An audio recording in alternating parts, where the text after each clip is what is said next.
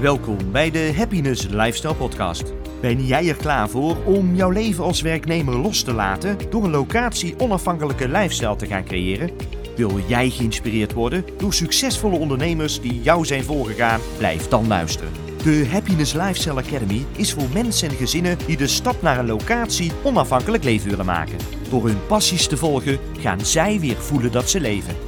Leer van succesvolle en ervaren entrepreneurs die hun passie en talenten inzetten om een positieve impact te maken op de wereld. Ze vertellen over het pad dat zij hebben gevolgd en delen met jou de kennis en strategieën die zij dagelijks toepassen om een gelukkiger leven met zingeving en meer vrijheid te creëren. Het pad naar jouw happiness lifestyle begint hier. Welcome, Danny. Great to have that you have found the time to do this interview uh, today. You just uh, had another interview in a podcast I learned. For anyone who listened to one of your podcasts, you are known as a digital marketing acrobat. Yeah, well, that's kind of the tagline that I came up with for myself. Is I do a lot of digital marketing and I love doing acrobatics, particularly having people doing handstands in my hands. It's uh, it's called standing acrobatics, and you probably have no idea what it looks like, but uh, you can see on my Instagram if you really want to check that out. I did. I saw your uh, I saw your Instagram, so it's uh, yeah, it's interesting story uh, how how you got that nickname. And the reason why I asked you on this podcast uh, at first was uh, because last week you hosted the Survive and Thrive e-commerce summit, and you had about almost fifty expert speakers there and more than two thousand viewers. Wow, that sounded like uh, four days and a whole week, like a roller coaster. You must have been excited, exhausted after that that summit. Yeah, it was a pretty crazy experience, really. Like, I always knew that I wanted to do a digital summit at some point. I think that it's a great model. It's just a win for everyone involved. It's a win for the viewers. They get a bunch of free content or, you know, really cheap. It, some people pay to access content. Uh, we had a completely free one. It's a free for all the speakers because they get to get in front of an audience, and it's a win for all of the sponsors and the hosts as well. Like us as a host, we collect the emails of people who sign up to view the summit and to get the replays and uh, the slides and all those kind of things. But it was a crazy 10 days. We just literally, me and my partner Isaac, just pulled this together in 10 days. And 10 days later, we did four days with 24 hours total live streaming and i was waking up at 4.30 a.m all four of those days and was just totally exhausted by the end of it but the feedback that we got from the e-commerce sellers and the amazon sellers that were viewers or were involved was really incredible. Lots of people saying that they're so grateful that we put this on, and um, you know, it's already translated into a lot of good sales in our business of people who have reached out for a business because you know my agency sponsored the event, obviously, and we're left with an email list of a thousand people and a Facebook group that's really, really engaged with a thousand people in it, and not like that was out of thin air basically, and we didn't spend any money getting this thing together other than just paying the graphic designers that I already had on my team to get the graphics done. How did you come up with the idea to host this one right now? I think it was actually Isaac. So Isaac is someone who I interviewed on the Actualized Freedom podcast a couple months ago, and then he just reached out to me, just wondering if I wanted to co-host this summit with him. And like I said earlier, it was one of those things that was just on my mind that I knew I wanted to do at some time, and I saw with this whole Corona outbreak, now was a good opportunity to to create a summit around something like that. And I had a big network of about 80 podcast guests that I had previously, and they're all nice and neat on an email list. So I can just very easily craft a message asking them if they all want to be part of the summit, and uh, with a Calendly link where they can schedule and more information and stuff like that. And pretty quickly, we filled up almost 50 speakers for the event across four days. And he also has a podcast. So with our combined networks, it was much easier than it would have been otherwise to pull together that many speakers and sponsors. Amazing. You even had people uh, who couldn't be on, uh, speakers who couldn't be on the uh, summit itself, uh, uploading videos afterwards in the Facebook group. Exactly. Yeah. I mean, we're left with the Facebook group with a thousand people that it's got a lot of engagement in it. So the Facebook algorithm really likes that. We want to keep that going by just continuing to post new original content in there. So um, the the summit just gained more momentum as we went on throughout the days. And so a lot of the speakers, we just couldn't fit them all in, right? Four days is already long enough for a virtual summit. So we are yeah. just extending, we're getting the speakers to create unique videos just for the survive and thrive kind of theme, and then get them to post them in the group afterwards and keep it engaged. What was uh, your, your own personal biggest takeaway from the summit? Honestly, my favorite was with Will Mitchell. He's actually the guy who is responsible for getting me into Amazon in the first place. He I remember taking his e-commerce empire course like 4 years ago and he's one of these genius entrepreneurs who he literally has been into digital marketing since he's been 12 years old and he's now 29. Um, and so he just has a crazy, crazy amount of experience in this stuff. But his talk was more about the big business shifts in general that are going on during the corona outbreak, not just like some fancy tactics that might work right now or might not. He was talking more about the shifts, and he's talking specifically about what is really going to be selling, no matter what you're selling over the next period, is safety and security, right? Safety, security, and certainty. In before, it was different things that were selling, but now everyone is much more concerned with safety, security, and certainty. So, really, if you can reframe what you're selling in the context of that, you're probably going to convert a lot better than you would otherwise. So, that was a really big takeaway for me. Nice. And people can still uh, sign up for this Facebook group?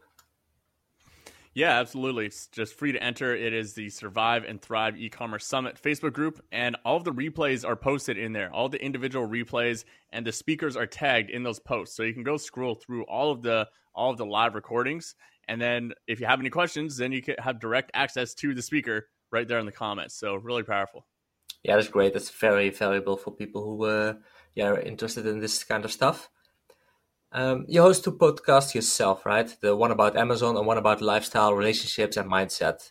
Um, and this is the one you're really passionate about, if I understand it. Um, what is the most inspiring podcast you ever did yourself? Julian, uh, I'm going to butcher his last name, Newlig, um, but he is an entrepreneur that I met in Bali, and he just has such an interesting story with his business. He has a company that they can turn plastic and, and waste, like essentially just garbage, into a sort of biofuel that can like actually power power systems. Um, incredible company. It's been around for 12 years and been through so many ups and downs. And he shared one of the craziest stories on there. It's definitely worth checking out where he went overnight from a net worth of 120 million euros to negative 20 million euros after one of the investors ended up basically screwing him over. Um, and he had a credit card bill for um, $300,000 that he was using to pay business and his personal expenses that the payment was due on Monday and the day was Friday. So he had the weekend to basically raise $300,000 or else he personally was going to go bankrupt. Um, crazy, crazy story. But long story short, he ended up actually doing it and keeping the company alive. And he is the company is moving forward with the first actual working prototype of of the dream that he's been working on for 12 years besides running your businesses and the podcast and hosting these uh, these events, you help others uh, build a profitable digital agency with your uh, Freedom Agency Blueprint. Can you tell us more about uh, that course that you are providing? Yeah, so it's a group coaching program that essentially teaches people how to take skills that they already possess, whether that's from freelancing or consulting or just a previous job that they used to have, and then how do you take those skills and then build a digital agency around it. So a lot of my students they have amazon based agencies because you know i come from an amazon fba background. My agency is built around amazon so it makes sense. But i don't like to teach everyone start the same kind of agency because it doesn't make sense that someone who knows nothing about amazon would go start an amazon fba agency right? So some of my students some examples are one girl is a uh, photographer. She just loves photography and now she has a agency that provides photography for local businesses and realtors and things like that. And another one of my students, he has a job at the company ManyChat, which creates like Facebook Messenger marketing flows and stuff like that. So he has built his agency around doing Facebook Messenger marketing for e-commerce brands. And so the course essentially is just taking existing skills and then building a digital agency around it that you can scale to grow just past yourself. So past the point of just being a single person freelancer yeah, what else can you share about that? So you, you did this uh, uh, yourself. You went from uh, a couple years ago. You started your own Amazon business, so you were focused on Amazon. Now you're experienced in a lot of other styles. So can you share a bit of your story with uh, with us about how you came where you are now? Yeah, I mean, it's a pretty winding story. Like, I only started my first real online business four years ago. Um, before that, I was just traveling around the world longboarding. I was a longboard racer, and that was pretty much my life. I had developed a mix of working carpentry and then going off for you know six months at a time to go race longboards around the world. And I traveled to many, many different countries competing in downhill skateboarding races. Um, you know, almost getting hit by cars and uh, actually hitting. I, have hit three cars um, longboarding before, so lucky enough to to say that.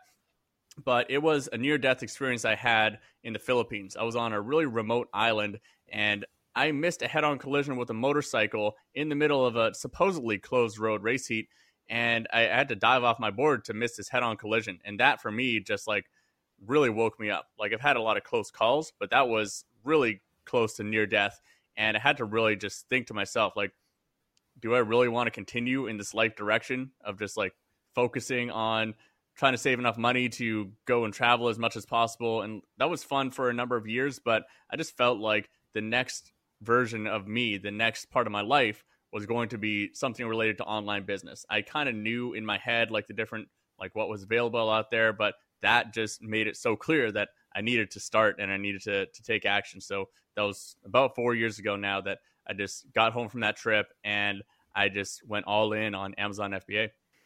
Before that, I was working as a carpenter. I mean, I guess I got, had a little bit. Of, I was working as a carpenter. I mean, I guess I got, had a little bit of business experience before that. So I was a carpenter from since before I even graduated high school. That you know, never went to university or knew anything about business or anything like that. And when I was longboard racing, my first company technically was called Thrill Stream. So it was a media production company for longboarders. So essentially, me and all of my friends around were pro longboarders. We we all had sponsors, and I would just create videos of myself and my friends and sell them to our sponsors that was essentially the business model. So it allowed me to have some kind of income when I was traveling around. And towards the end of it, it was enough to be a full time income. I went on a trip to the Philippines and Japan on a film contract, and then I, I, you know, came back all expenses paid with more money in my pocket than when I left. You know, and it, it was it was kind of at that point that I realized that I needed to shift my lifestyle because even I, I achieved the thing that I set out to achieve, and it was my dream to do that and that sounds amazing on paper but at the end of the day it just felt like another job and there's a lot of things i didn't like about the travel lifestyle so um, that was a big wake up call for me too. It's like, hey, this is not the answer. Uh, and uh, I just now really you live in Bali. Find you consider else. yourself a digital nomad or a more location independent entrepreneur who's based in Bali?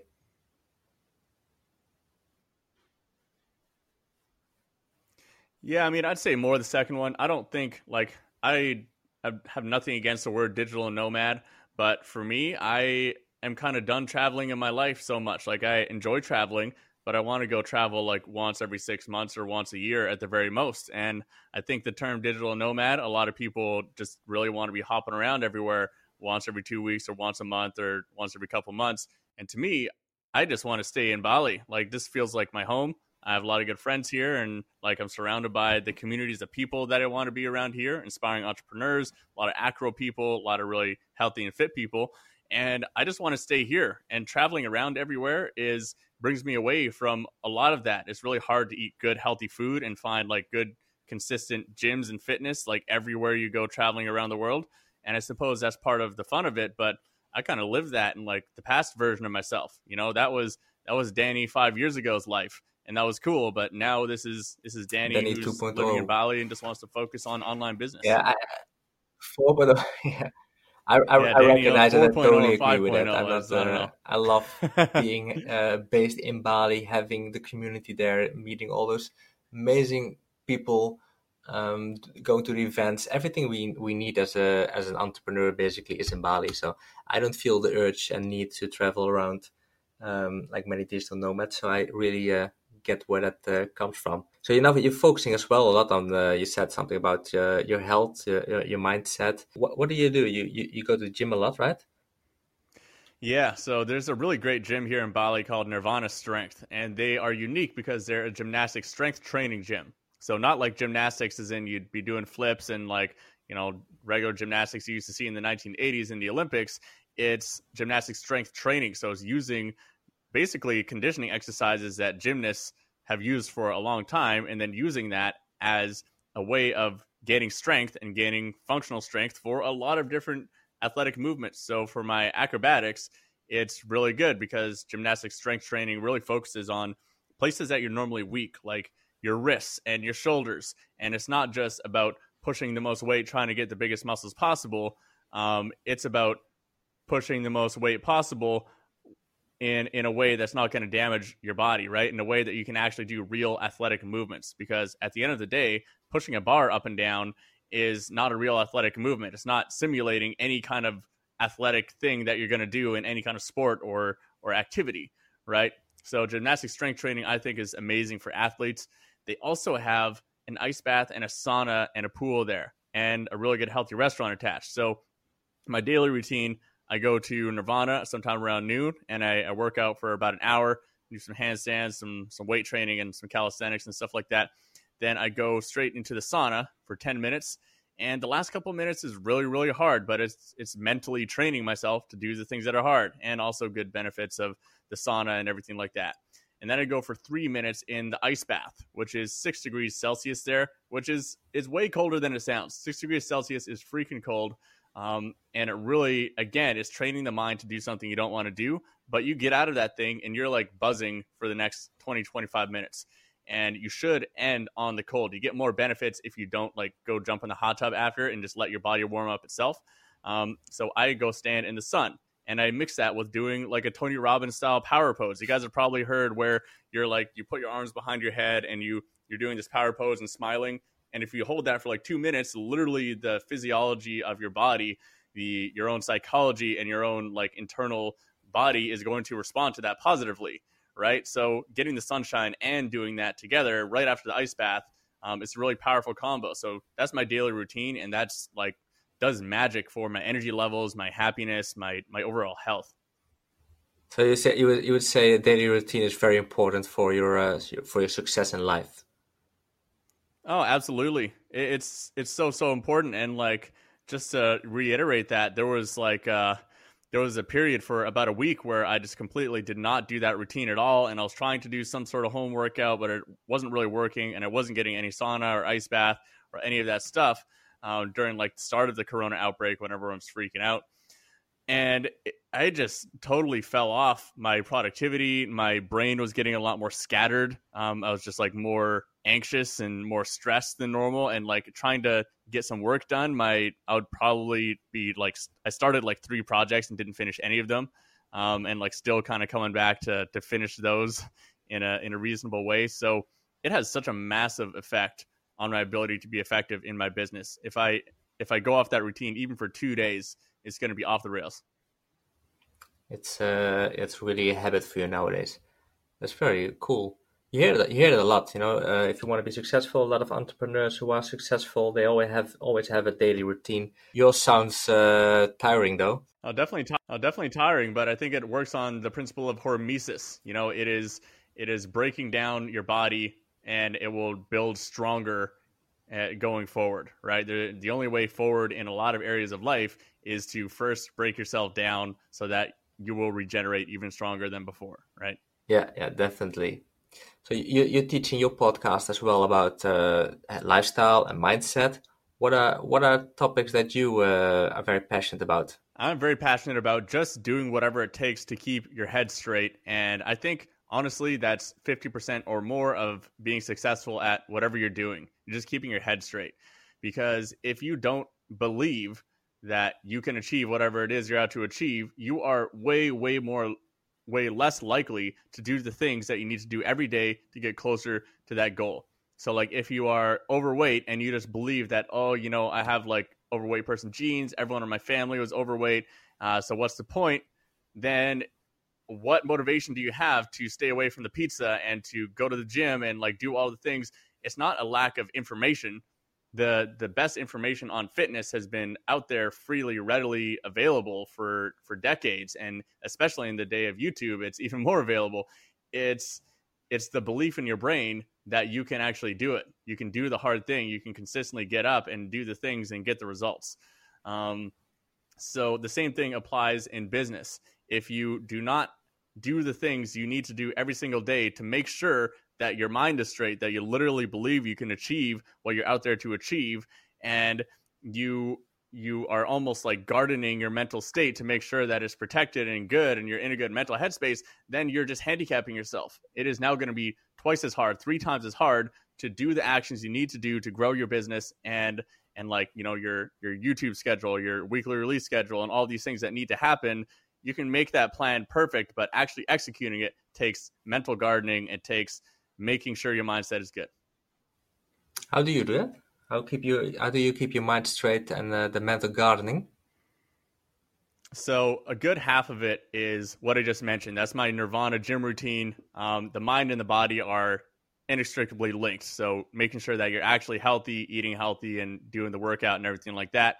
The other half of it is my morning and evening routines. So the Nirvana one's my middle of the day routine. In the morning, I always start the morning. Uh, well, sometimes I have podcast interviews, but as soon as that's done, um, I do not check my messages, social media, or anything until at least two or three hours into my morning. So I always start with a meditation, sometimes 20 minutes, but as long as an hour and 15 minutes, depending on uh, some guided meditations I like to do. But during those meditations, towards the end, I always do some kind of manifestation practice. So that's uh, on a most simple level, that's just visualizing what you want to achieve in your life and then trying to feel the emotions as if it's already happened, right? Trying to get in that head state of, I have this thing that I want to create in my life. Really simple, but really powerful practice. And then after that, I do a little bit of journaling and ideas. I think it's important to stay in a creative state in the morning. Um, you know, just get really excited about what you can potentially get done that day instead of just jumping straight into, okay, I'm going to open up Trello and see all the stuff that I have to do and get stressed out and just start blindly going through it. And then, like, I start working on something and then I go into my email to to work on that thing, but then I get pulled into this other thing and you just get pulled into the craziness. And that's inevitable that it's going to happen at a certain point in the day, but I think that it's very important to control that first part of the day and make sure you get the most important things done, which counterintuitively the most important things are to just do that meditation, to take that time to to brainstorm some things, get some ideas out, do a little bit of journaling, whatever it is that you want to do, just making that the most important thing you do in the morning and staying off all the messengers. These are amazing tips because everybody, no matter where you're at in your business, even if you're still in your nine to five job, you can start doing these uh, small things. You can stop looking at your phone uh, as soon as soon as you get up. You can start doing meditation. Journaling is a very good one. I hear that often. And these are these are all habits and routines. Everybody can adapt uh, them in their uh, daily practice. Yeah, and there's a really great app that makes it easier to stay off social media at those times. It's called Freedom. And so I'm like, uh, the good thing about it is that it syncs between your desktop, your laptop, and your phone. So yeah, it works on Android and iPhone and all those things. But you can press one button on either your mobile phone or your computer, and it's going to block all of those apps and all of those websites on both your phone and your computer. And if you buy the premium version, which is like two dollars a month, then it's it's literally impossible to shut off like you cannot even open up like Task Manager if you know what that is on Windows. It'll block you opening Task Manager, so you cannot end the process. Like there's no way there's no way to stop it. Um, so if you're someone who's really like hardcore addicted to your email or Slack or Instagram or whatever it is, then that is the most effective way. And I find myself so often I think I think to go and like message someone, but I realize that I can't do it, and then so my focus is not diverted when it otherwise would be. So a lot of people would say yeah, but then I'm going to forget about all these things. So my way around that is I have a Word document on my computer that I just have this open all the time. And during one of my focus sessions, if I think of a message I have to send to someone, so like very often I'll send a message to my my general virtual assistant. He just does all these little things for me that I just you know just not worth my time to do. Um, I'll just write that message in the Word document, and then next time my session is over and I have access to Slack again, then I will go into that Word document and send him like whatever four Slack messages that I thought of during the last focus session. So that's been a really powerful way for me to stay focused and not get sucked into the craziness of messengers and emails and all that stuff. That's awesome. That's very good advice. I think I should look into that myself. I really re- recognize some of the things you say. Yeah, I mean, and everyone can too. Like, you shouldn't blame yourself for that because these platforms have very very high paid people like i know i actually know some of these people who are paid by these companies to make their apps and platforms more addictive and some of them make more than a million dollars a year on salary, right? Like how many jobs on salary make more than a million dollars a year? Not many. So that that goes to show how much energy they're putting into making their platforms addictive. Yeah, and that's a really important thing too. Like there's so much attention on social media platforms and YouTube and all these things right now with the COVID outbreak and everyone at home, consumption has gone way up. And I think it's more important than ever to be producing because now you're getting in front of more eyeballs than you would be otherwise. And there's one trap that I just want to um, steer people away from because a lot of people fall into this. I've definitely fallen into this before. Is just like over analyzing what everyone else is doing. So if there's like other people in your space or other influencers that you follow, you know, pay attention to what they're doing and what kind of content they're putting out and you know how they're how they're marketing it and whatever, but don't become obsessed with it. It is way more important to be focused on creating content, releasing content than it is to make sure that your freaking funnel is like absolutely perfect and you're you're creating your content and your your YouTube tags are you know you're doing it the same way as Casey Neistat or freaking whatever. Like that's just such an endless rabbit hole that it's going to stop you from producing as much content as you should be. I always say you should be putting content out there as fast as possible, even if it's like 70% good. 70% is is definitely good. If you wait for everything to be 100% and the same as like what everyone else is doing, you're just going to be putting out 30% less content than you than you could be and you're going to be getting 30% less results. You help people build agencies. What would be your three biggest tips for people who want to start out with a digital company? I would say it kind of goes back to what I said about just getting content out there as soon as possible. Same thing applies to your agency. So there's always a minimum viable offer you can create to see if your agency is going to work. And it takes way less effort to create a minimum viable offer and get the first paying client to pay for it than it does to go and create your website and make sure your website's all good, go and create like sales funnel, create all this stuff, create all your social media profiles and everything like that I wouldn't bother creating any of that stuff until you've created your minimum viable offer and you've you've offered it to some people in your network. So that can be as simple as you open up a Word document and you say, "Okay, I'm going to offer Facebook ad services and I'm going to target realtors." Okay, what do realtors want? Come up with your offer. I'm going to charge $1,000 a month and this is what you get in $1,000 a month. Okay, that's your minimum viable offer, right? And when I say minimum viable offer, it shouldn't be with all the bells and whistles. It shouldn't include all of this crazy stuff that's going to take you two months to fulfill, right? It should be your minimum viable. And then offer it, put it out there on your social media profiles. You're like, hey, I am, you know, I'm starting out with Facebook ads for realtors and I have like a, a really good deal for um, the first couple clients or something like that. If you know anyone who's interested, then tag them in there. Just do whatever it takes. I mean, we go way more in depth into this in the program. I'm kind of skimming over it. But if you get your minimum viable offer in front of your target client, your target customer, and they do not purchase, then you have now saved yourself so much time actually going and creating everything it needs to to fulfill that offer and all of the marketing behind it, the sales pages and the operations that it would take to fulfill that. You haven't even bothered to start that. If someone has paid for it, you now know that it's something that your target market wants and it's worth it for you to go out building that because you've already been paid to do it right? So you're not getting, you're not just doing a bunch of work and not getting paid for it. How would you find your target audience? And then talking about coming back to that rabbit hole we're talking about, if I want to make a, a, a valuable first offer without a, all the bells and whistles, and I present it to a target audience that's the same t- or a similar target audience to a competitor who has a proper website and a sales funnel, isn't it harder for me then to sell my or promote my product?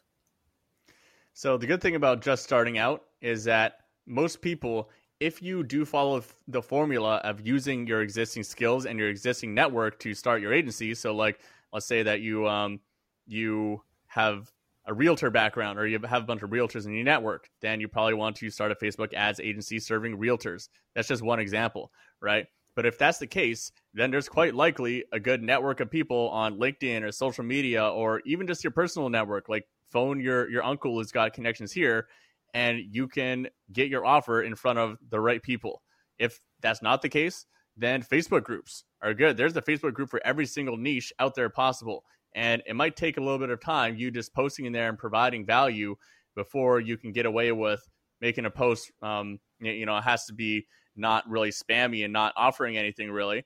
But using those organic methods, it's completely free to get in front of your target customer. You just got to be a little bit creative and willing to put in the boot work. Um, there are a few methods out there that really work with existing networks, but you don't need the existing network um, when Facebook groups exist, and you just have to build that existing network from the Facebook groups. What is your mission with your business?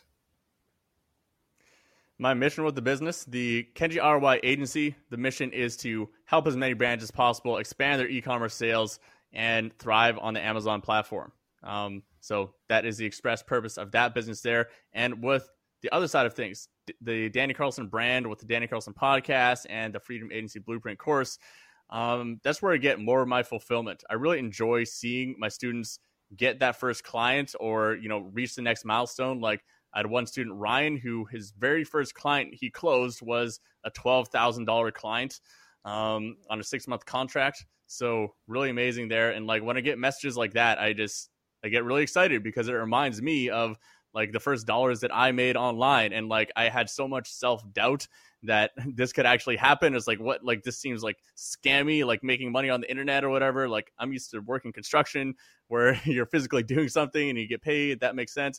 But seeing other people go through that process of the metamorphosis of creating an online business is really rewarding for me. What is uh, if you were if we were at the end of the year, say it's around Christmas, New Year, and you have to look back at 2020 what is uh, going to be making you very proud if you look back on it? I think really it's going to be student success. So I'm really excited to see where my students go here. So my first round of students only came on back in September. So um, like the the longest running students are starting to reach the maturity of their agency, but like they're like six months old at this point, right? Once the time they reach one year towards the end of the year, I'm just really excited to see where they can grow it because I can already see from the progress of some of the students that it's going to be a lot faster than I was able to grow my agency, like just not really knowing what I was doing, waiting too long to find mentors and stuff like that. Um, and I'm just really interested to see what they can pull together. And honestly, like I don't plan that far ahead with my own business goals. I like to really stay open and adaptable to good opportunities that come my way. Like I have to say no to a lot of things, but when the good one comes my way, I know I recognize it as an opportunity that I want to follow, and I love just giving myself the flexibility to do that. Nice. How how long is the course that you give?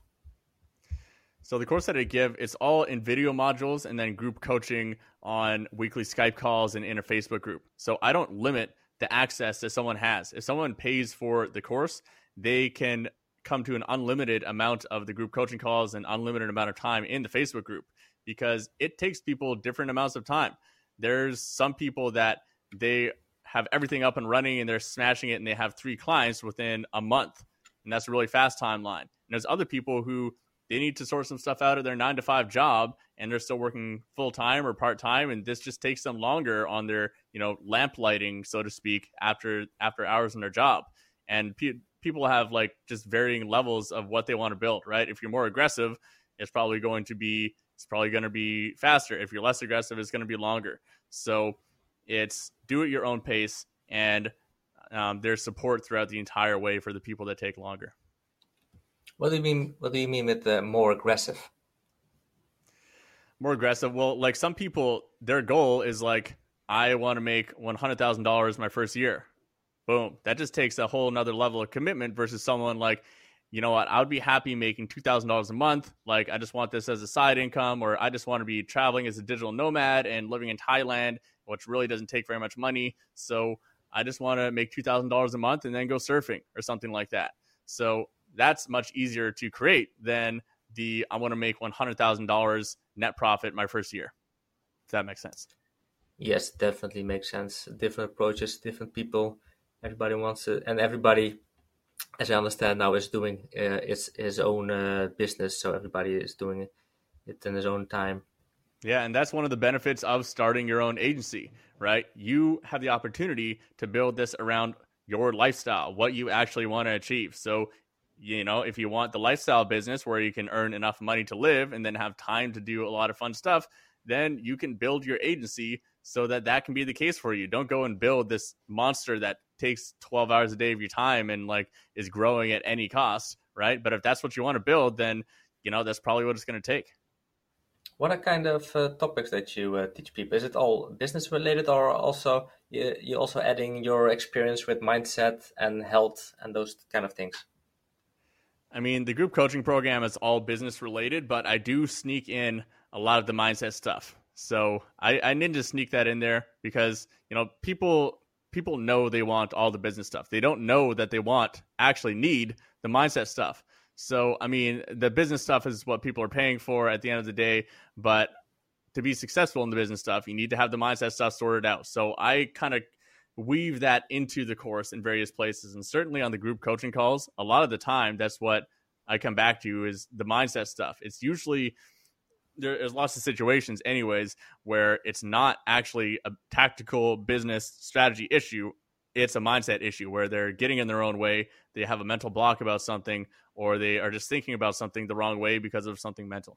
Yeah i completely agree. When when did you uh, realize that? You always been focusing on uh, mindset and health as well? Or when you started out with your business it was just business and along the way you figured out that mindset was just as important? Yeah kind of the second one there. So I listen to a ton of podcasts and still do uh, about business and, and mindset and stuff like that. And these type of podcasts tend to be pretty linked. So, like, there's lots of health podcasts that have business people on there and business people that have health podcasts on there. And everyone in entrepreneurial circles, at least in the online business category, seems to also be really interested in optimizing their health and all those kind of things, which I think is a great upgrade to the whole entrepreneurial sort of community, which, um, you know, traditionally was just all about working super long hours at the expense of your health. Now they're the two communities are kind of together. There's lots of health companies and mindset companies out there that target specifically entrepreneurs because we built this culture around it. So it's kind of by accident. Um, by getting into online business, I was also getting into you know biohacking and you know hacking your mindset and meditation and all these things. But I'm going to give the highlights, the the really key points of starting an agency. So there's a lot of really key parts to starting an agency that you're not reliant on, right? You don't want to build an agency that you're now just an octopus with eight arms and for this thing to keep running, you just have to work 12 hour days and, and be overwhelmed and you're actually doing all the work, right? So there's some key components that need to be in place in order for that to happen, in order for you to scale your revenue and your income to uh, to a point where you can hire people out and have these systems in place, right?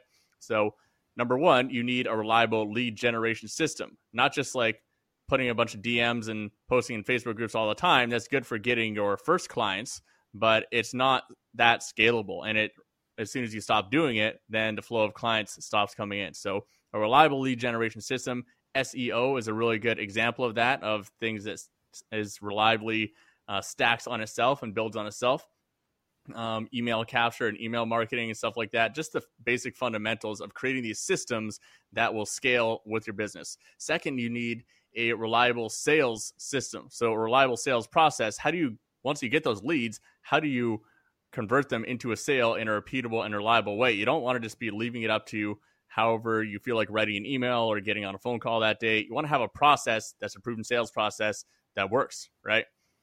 And Thirdly, you need really good systems and processes. So, whatever the repeatable processes in your business are, whether that's marketing and sales or actually client fulfillment, um, by the way, you should not be spending any of your time in client delivery and fulfillment once you have a team to, to actually do that. So you can focus on sales and marketing. That's where you're going to be a lot more uh, valuable. But having the systems in place is a key essential component that allows you to hire a team and contractors to fulfill those roles for you so you can focus on the more valuable things. And next up is hiring the right talent. So finding the right people. The Philippines is a really great place for talent for a lot of things. It's not going to be the best for writers and um, writers and like operations managers and things like that. Um, unless you actually set up an office there, that's a little bit different. But you can find pretty much anything else you need there: video editors, social media managers, uh, Facebook ads managers. so many things you can hire in the Philippines for usually um, 25% of the price as you'd hire someone in Canada or any Western country. So, really valuable there. Um, next, is expanding your offerings. So starting with one single offering and getting really, really good at that and building systems and, and team and process around that is good in the beginning. But then once you have a good team, then expanding what else does your ideal client need and then can you offer them that can you increase the lifetime customer value of every single customer so that every customer you close is now worth more money to the business and then from there at that point you'll be ready to scale things up a little bit you can start focusing on marketing that is you know a little bit more intensive like having a podcast is a really great way to expand your network and create strategic partnerships with other companies in your niche and create some social proof for your brand.